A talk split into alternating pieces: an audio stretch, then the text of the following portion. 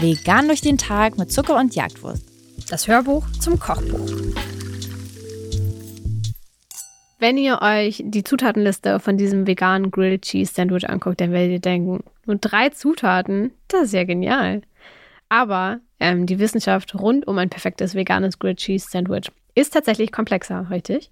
Das stimmt, aber die Zutaten bleiben so. Es ist deswegen ist es auch unser Grundlagenrezept für das Mittagessen. Wir essen das tendenziell auch schon ab und zu vor der Mittagszeit, aber es ist so schnell gemacht. Es ah. ist, und es ist richtig, es ist so herrlich sättigend, wärmend. Es ist so Comfort Food, fast schon, finde ich, in die Richtung Fast Food vom Gefühl her. Ja, und wir haben mal wieder aus wenigen Zutaten viel gemacht. Ich würde sagen, das zieht sich ein bisschen durchs Buch. Das stimmt. Und ihr werdet wahrscheinlich, wenn ihr es noch nicht vorher getestet habt, super begeistert davon sein, dass veganer Käse doch schmelzen kann. Um da aber hinzukommen, müsst ihr ein paar kleine Tricks befolgen und die findet ihr unter anderem, wenn ihr auf die nächsten Seiten des Kochbuchs schaut. Da es ein Grundlagenrezept ist, bekommt ihr mehrere Variationen. Das, was ihr jetzt erstmal nur im Grundrezept seht, ist eben die Basis, von der ihr aus loslegen könnt. Ihr könnt aber natürlich Dinge ändern. Ihr könnt extra Füllungen reingeben. Dafür geben wir euch Inspirationen. Ihr könnt auch anderes Brot verwenden. Ihr könntet auch mehrere vegane Käsesorten verwenden alles ist möglich. Beim Testessen tatsächlich, ihr seht jetzt hier sechs Toppings, die bei rausgekommen sind, ähm, habe ich damals ein Abendessen lang mehrere Freunde verköstigt. Ich war permanent sozusagen am Herd, habe nach und nach ähm, die Grilled Cheese vorbereitet. Das kann man nämlich auch prima machen. Man kann die alle schon vorbereiten und die gehen dann nach und nach nur noch in die Pfanne. Also auch das ist ein tolles Essen, um viele Leute eigentlich satt zu machen. Und die habe ich dann wie so aus dem Service so nach und nach rausgeschickt unter anderem rausgeflogen, also nicht in die Top 6, haben es noch geschafft. Veganes Thunfisch, äh, Grilled Cheese. Ich hatte eine Variante mit Brokkoli und Knoblauch. Da war mir aber der Brokkoli, Brokkoli ein bisschen zu dick.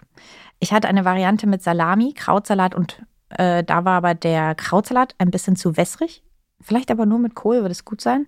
Und ich hatte eine Variante mit Feta, Oliven, Zwiebeln und Tomaten. Die war auch sehr lecker, aber es war dann leider nur noch Platz für sechs Toppings am Ende im Layout.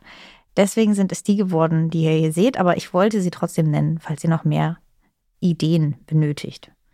Ich glaube, für uns war der Gamechanger, aber ich glaube, das haben wir nicht immer so gemacht, irgendwann zu checken, dass veganer Käse Fett benötigt, um zu schmelzen. Ich glaube, das hat alles verändert, oder?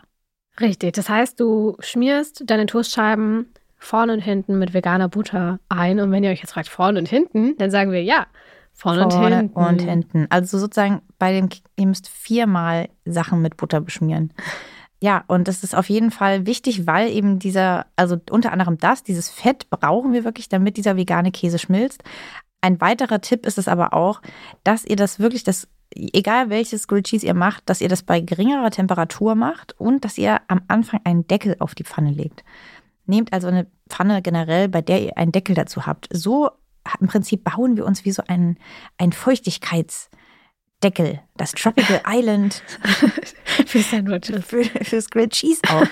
ähm, für die, sozusagen durch diese Luftfeuchtigkeit eben beginnt auch dieser vegane Käse zu schmelzen. Also der wird richtig, richtig, wirklich schmelzen. Ihr werdet dieses Sandwich aufschneiden, auseinandernehmen, es wird keine Fäden ziehen. Das möchte ich euch nicht sagen. Das funktioniert noch nicht mit veganem Käse, aber der wird richtig runny sein auf jeden Fall. Aber gibt es, ähm, ich stelle mir jetzt vor, die Leute gehen in den Supermarkt, kaufen sich ähm, veganen Käse. Gibt es irgendwas, worauf man achten sollte? Scheibenkäse, Streukäse, ist egal, welche Sorte, welche Firma? Ich finde, es ist absolut egal. Ich habe bisher noch keinen gehabt, der nicht geschmolzen ist. Ich finde aber auch die Varianten, die ihr im Laden findet, die sagen, die schmelzen, die schmelzen auch nicht. Ohne Fett, finde ich. Also sie schmelzen auf jeden Fall deutlich besser mit Fett.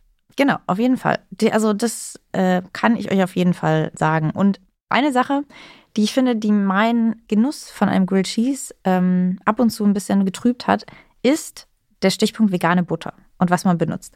Wenn ihr Margarine ist, da für dieses Rezept super gut, weil sie streichbar ist.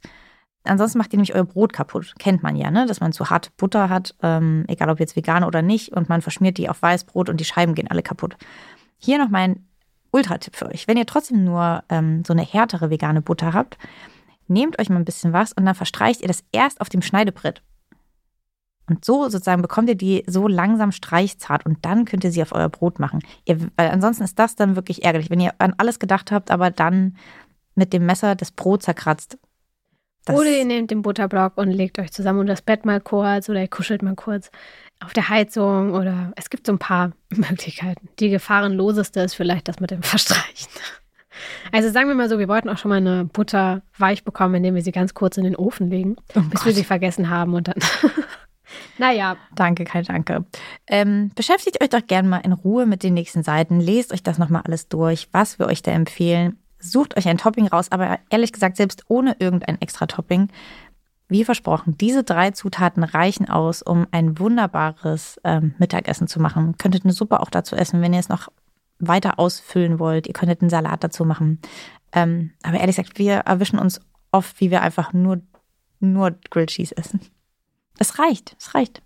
Deswegen ähm, viel Spaß damit. Ähm, ich bin gespannt, für welches Topping ihr euch entscheiden werdet.